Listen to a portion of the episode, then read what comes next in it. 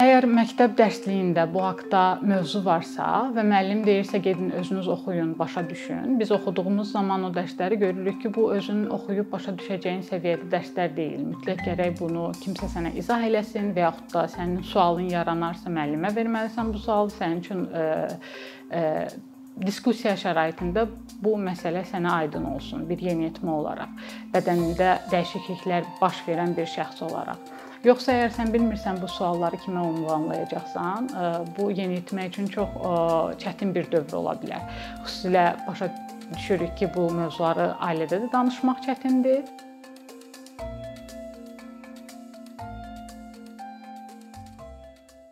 Uzun illərdir ki, biz gənclər və yeniyetmələrlə çalışırıq. Bakıda və regionlarda gender və reproduktiv sağlamlıq mövzusunda təlimlər keçiririk və Reproduktiv sağlamlıq hissəsində bəhs etdiyimiz mövzulardan biri də təbii ki, menstruasiya mövzusu idi və həmişə bu mövzuya gəlib çatanda görürdük ki, yeniyetmələr e, bu haqqda çox məlumatsızdırlar. Hətta kimsə e, qrupda bilirdisə, bu məni təəccübləndirirdi ki, yaxşı mənada təəccüblənir təəccübləndirirdi ki, nə yaxşı həmin e, gənc yeniyetmə xəbərdardır bədənində nə baş verir.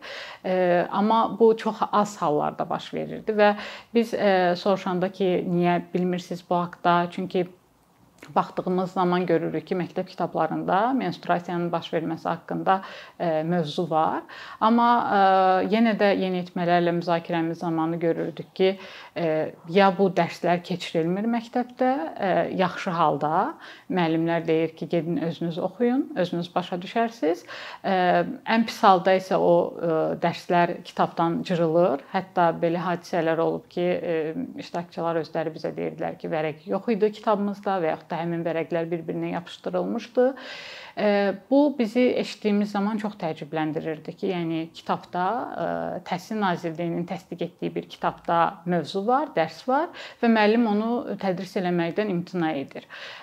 Deməli bu zaman ağla sual gəlir ki, niyə görə müəllim belə reaksiya göstərir bu mövzuya? Görəsən bunu Təhsil Nazirliyi tərəfindən tapşırılan bir tələbdirmi ki, bu mövzunu dərsdə keçməyin, yoxsa müəllim öz peşəsi haqqında məlumatsızdırmı, dərsi necə tədris edəcək? Yəni bu suallar bizi həmişə düşündürürdü.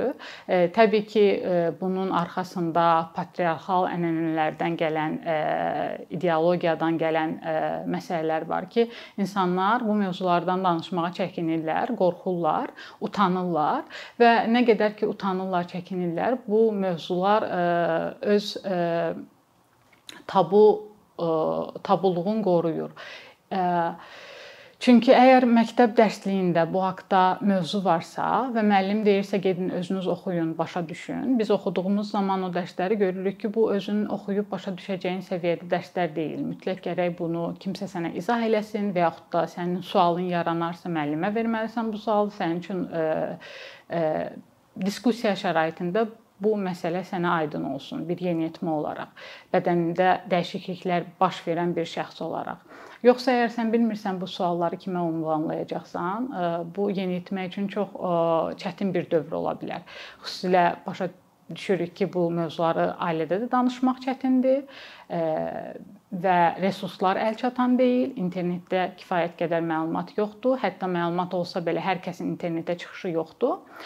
Yəni belə bir çətinliyin içərisində biz gördük ki, insanların, yeniyetmələrin bir materiala ehtiyacı var ki, e, daha rahat dillə bu mövzunu başa düşsün, suallarına cavab tapa bilsin və ilk növbədə özünü yaxşı hiss eləyə bilsin. Çünki e, xüsusilə də emosional dəyişikliklərin və fiziki dəyişikliklərin baş verdiyi bir dövrdür yeniyetməlik dövrü və bir xeyli sual yaranır və bu suallara cavab tapmadıkca ya qorxulu olur, ya da e, qorxu öz davamında tabulara çevrilir. Və nəticədə biz qərara gəldik ki, əslində uzun illərdir bu haqqda düşünürdük. Bir menstruasiya kitabı çıxardaq və e, gənclərin, yeniyetmələrin e, axtardığı bütün suallara e, çalışaq ki, bu kitabda cavab verək. Və belə bir kitabı hazırladıq. Cinsi yetkinlik dövründən başlayaraq menstruasiya prosesinin baş vermə ərəfəsi, baş verdiyi dövr və sonrakı mərhələləri izah etdiyimiz bir kitab hazırladıq.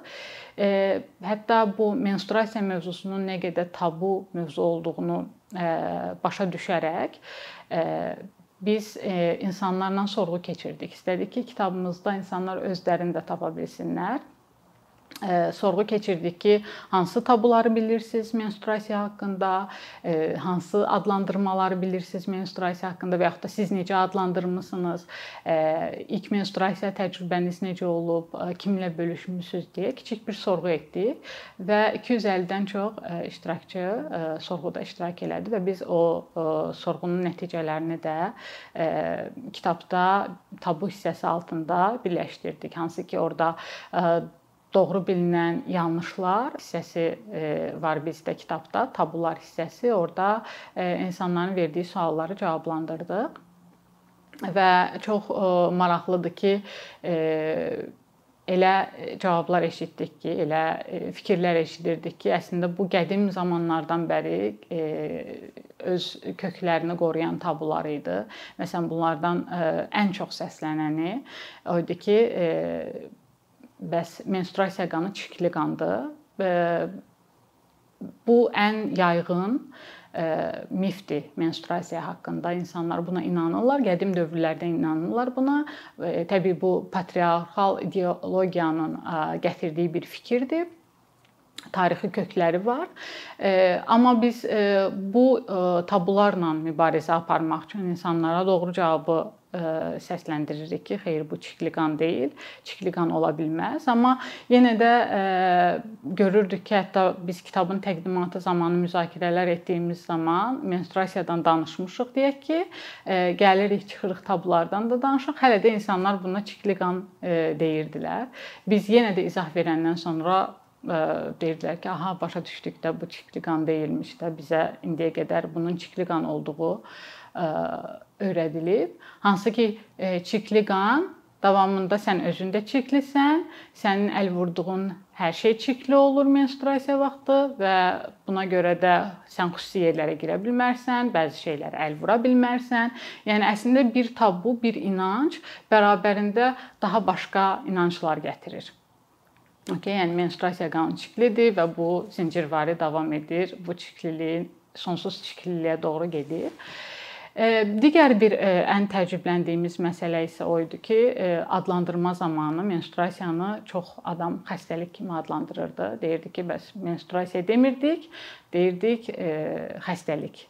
Yenə də bu ifadəni təhlil etdiyimiz zaman görürük ki, xəstəlik sözünün xəstəlik sözünün özünü təhlil etdiyimiz zaman görürük ki, bu sağalması gözlənilən bir haldır, müalicə olunmalı olan bir vəziyyətdir, amma menstruasiyanın menstruasiya sağlamlıqla bağlı bir haldır. Bunu necə biz xəstəliklə assosiasiya edə bilərik deyə düşündüyümüz zaman yenə də görürük ki, bu deməli ə, ə, adlandırma ilə bağlı qorxulardır. İnsanlar açıq şəkildə ki, vəziyyətlərini deməkdən çəkinirlər. Onun əvəzinə başqa adlandırmalar tapırlar. Bu da nədən irəli gəlir? Ondan irəli gəlir ki, insanlar bunu gizlətməyə çalışırlar.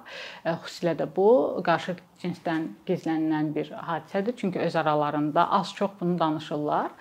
Yəni kitabda biz çalışdıq bu ən çox səslənən tabuları qıraq və hədəf də ondan ibarətdir ki, mövzu haqqında çox danışarıq, mövzunu normallaşdırmaq. Nə, nə qədər ki menstruasiya mövzusu normal danışılacaq bir mövzu deyil insanlar üçün. Ona görə bu həmişə qorxulacaq, həmişə tabu olacaq, həmişə çoxlu miflər yaranacaq menstruasiya ətrafında. Amma nə qədər ki biz bu mövzunu çox danışsaq və o mifləri qırsaq, qırmağa çalışsaq, o zaman insanlar bunu rahat-rahat danışmağa başlayacaqlar. Amma bu rahat danışma bir xeyli vaxt tələb edir, tədris tələb edir.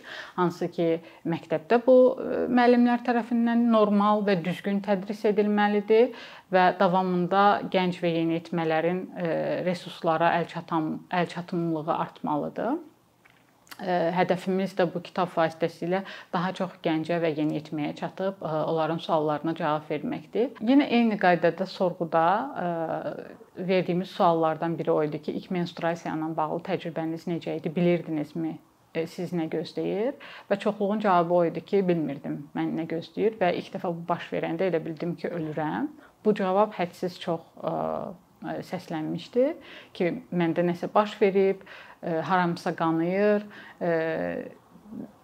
Bu, yəni həyəcanlı və qorxulu anları ifadə edirdi iştirakçılar, sorğu iştirakçıları və bu əslində bizim üçün təəccüblü bir cavab deyildi. Çünki biz normalda təlimlərdə də bu haqqda soruşanda çoxluğun cavabı olur ki, mən bilmirdim bu nədir. Qaçdım anamın üstünə, qaçdım bacımın üstünə ki, nə baş verir.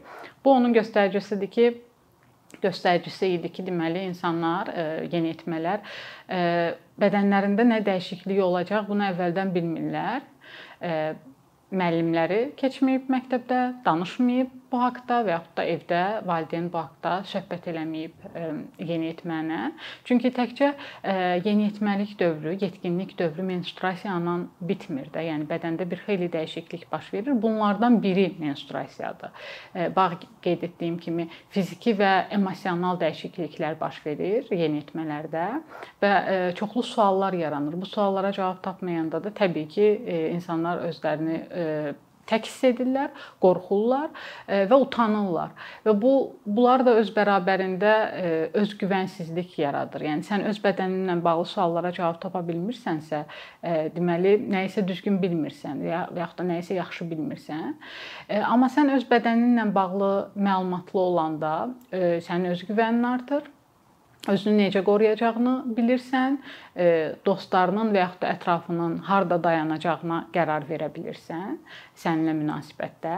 Bunlar çox önəmli məsələlərdir və e, əslində bizim ən çox qarşılaşdığımız travmalar elə yeniyetməlik dövründəki yaşanır. E, böyük bir qismi heç şübhəsiz ki, bununla da bağlıdır. Özgüvənsizliklə və özgüvənsizliyi gedib araşdırsaq bədəni tanımamaq bunların e, ən önündə gəlir. E, və bu bununla yanaşı təkcə bədən məsələsi ilə yanaşı həmin dövrdə insanlar bir-birini, xüsusilə yeniyetmələr bir-birlərini müqayisə edirlər, daha arıq olmaq istəyirlər və yaxud da daha e, televiziyadakı təqdim olunan formatlarda görünmək istəyirlər, gözəllik anlayışları o cür formalaşır. E, deyək ki, yeniyetməliyin gətirdiyi dəyişikliklərdən biri də üzdə yaranan səpkilərdir. E, bunu utanc kimi qəbul edirlər, amma əvvəldən bilsələr ki, bu çox normaldır və təbii bir prosesdir. Bu əslində bu cür qarşılanmaz. E, və yenə də müşahidələrimiz əsasında onu deyə bilərəm ki, hansı ki icmalarda, hansı ki məktəblərdə, hansı ki ailələrdə bu mövzular danışılıb, biz həmin iştirakçıların həqiqətən də daha özgüvənli olduqlarını müşahidə edirdik. Yəni bu hətta günü bu gün də belədir ki, gəncdir e, bu insan, onunla bütün mövzular rahatlıqla danışılıb yaşına görə e, ailədə və yaxud da məktəbdə e, o insanlar daha yaxşı qərar qəbul edə bilirlər özləri haqqında. Biz kitabın ilk təqdimatını Bərdədə keçirmişdik. Bərdədə gənclər və yeniyetmələr var idi iştirakçılar arasında və bəzi iştirakçıları kənddən gəlirdilər deyə valideynləri gətirmişdi anaları. Biz ilk əvvəl biraz fikirləşdik ki, görəsən valideynlərinin yanında rahat olarlarmı danışmağa. Amma biraz e, mövzu haqqında danışdıqdan sonra gördük ki, yox, çox rahatdılar. Hətta bəzən valideynləri də deyir ki, mən bunu demişəm, bunu deməmişəm, nə yaxşı siz bunu dediniz. Mən utanırdım bunu öz uşağıma deməyə.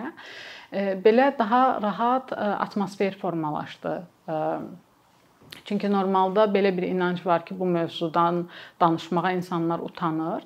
Əslində normal e, və təbii atmosfer yaradıldığı zaman çox da rahat danışırlar. Çünki bədənlərində baş verən bir prosesdə çoxlu sualları var təbii ki və onlara bu imkan veriləndə e, suallarını e, rahat ünvanlaya bilirlər, diskussiya edə bilirlər və çox rahat artıq danışırdılar iştirakçılar ki, məndə bu qədər gecikmə olur, görəsən bu normaldırmı? Mən belə eləyirəm, görəsən bu normaldırmı? Mənim bədənimdə belə oldu, mən belə arıqladım arıqladım, mən belə kökəldim və e, bu diskussiya e, rahatlıq gətirir və eyni zamanda hamı danışır deyə özlərini tək hiss eləmirlər. Görürlər ki, eyni problemi, eyni çətinliyi, eyni təcrübəni yaşayan insanlar var. Bu da bir növ e, insanlara özgüvən verir və iştirakçılar arasında menstruasiyası heç başlamamış olanlar da var idi.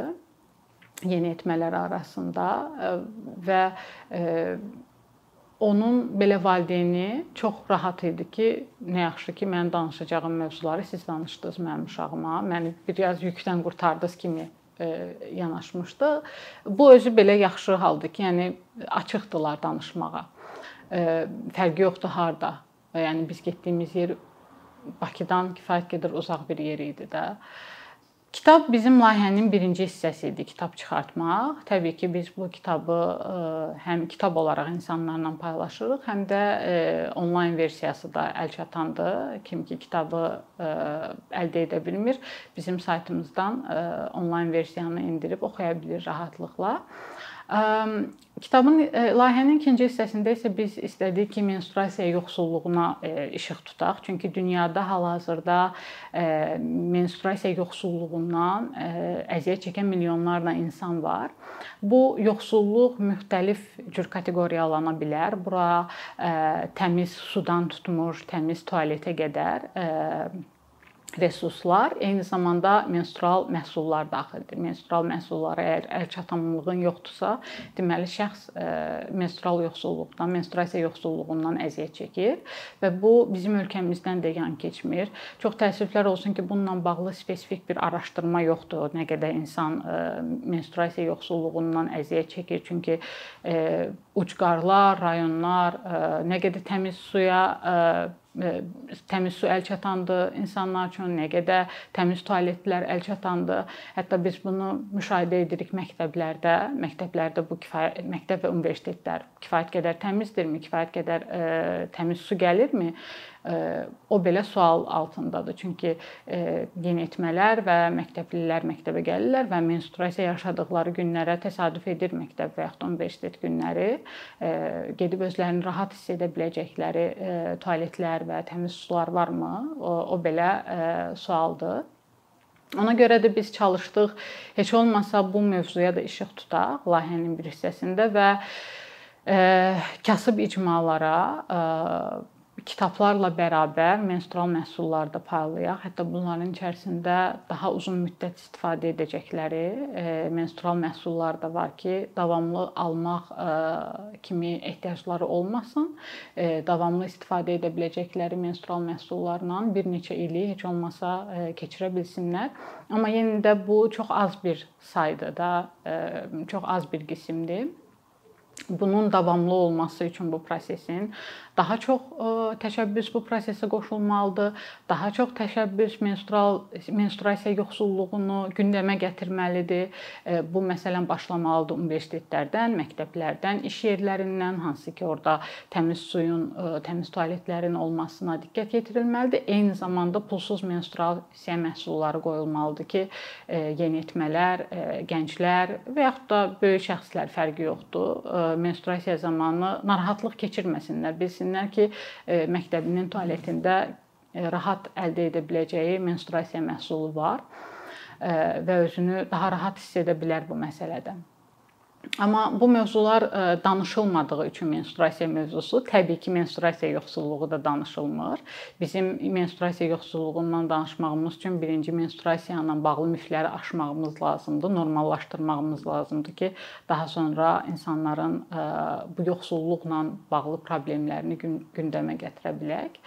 E, və Bizim də məqsədimiz dediyim kimi mövzunu normallaşdırmaq və menstruasiya yoxsulluğuna işıq tutmaqdır. Bir neçə ildir ki, əkinçi olaraq Azərbaycanlı izləyicilərin hər zaman faydalana biləcəyi keyfiyyətli və ən əsas ödənişsiz kontent hazırlamağa çalışırıq. İndiyədək təqdim etdiyimiz onlarla animasiya və yüzlərlə çəkilişlər tələbələrin, mütəxəssislərin, müəllimlərin və ümumiyyətlə yeni mövzulardan xəbərdar olmaq istəyən çox sayda insanın marağına səbəb olub. Bu illər ərzində hazırladığımız videolar təhsil, texnologiya, ictimai fəallıq, iqtisadiyyat, gender bərabərliyi, ətraf mühit, ifadə istifadə azadlığı, hüquq, demokratik inkişaf, mədəniyyət və digər mövzuları əhatə edib. Məqsədimiz çoxlu baxış gətirən deyil, çoxlu fayda gətirən videolar hazırlamaqdır. Amma bu düşündüyümüz qədər asan deyilmiş. Gördüyümüz iş kifayət qədər resurs, əmək və təbii ki, davamlılıq tələb edir. Bu səbəbdən Patreon platformasından istifadəyə başladıq. Əkinçinin Patreon hesabının populyarlaşmasına çox böyük ümidlərimiz və gözləntilərimiz var. Bəziləriniz Patreon haqqında ilk dəfə eşidirsiniz. Əslində çox sadə izahı olan bir platformadır. Təsəvvür edin ki, siz rəssam və ya musiqiçisiz. Sosial şəbəkələrdə sizi izləyən, işinizi bəyənən çox sayda insan var. Patreon platforması sizə imkan verir ki, izləyicilərinizin könüllü aylıq ödənişləri sayəsində işinizi davam etdirəsiniz. Sərgi, konsert zallarından asılı qalmayasınız. Amma bu təkcə rəssam və musiqiçilərə aid deyil. Məsələn, əkinçiyə bənzər fəaliyyətlə məşğul olan bəzi layihələrin 10 minlərlə patronu var. Biz də düşündük ki, nə üçün əkinçinin Patreon hesabı olmasın? Sizin dəstəyiniz sayəsində biz daha çox və daha keyfiyyətli kontent yaratmağa davam edə biləcəyik. Amma bu dəstək yalnız maddi dəstək deyil. Dəstəkçilərimizin sayının artması gördüyümüz işlərin faydalı olduğuna dair əminlik verir. Patreon platformasından istifadə çox sadədir. Hesabınızı açırsınız, sizə uyğun dəstək növünü seçirsiniz və Patreon özü hər ayın ilk günü kartınızdan seçdiyiniz dəstək növünə uyğun ödəniş tutur. Bu qədər. Sonda onu demək istəyirik ki, dəstəkçilərin sırasına qoşulmaq istəyən, amma məhdud imkana görə bunu edə bilməyənlər narahat olmasın. Daha öncə dediyimiz kimi, bizim əsas məqsədimiz daha çox insanın hər zaman faydalana biləcəyi keyfiyyətli və ödənişsiz kontentin yaradılmasıdır. Bunun üçün mütləq patronumuz olmalısınız deyə məcburiyyət yoxdur. Amma imkanınız patron olmağa çatırsa və bizim işimizi bəyənirsinizsə, patronlarımızın sırasına qoşulmağınız bizim üçün çox önəmlidir.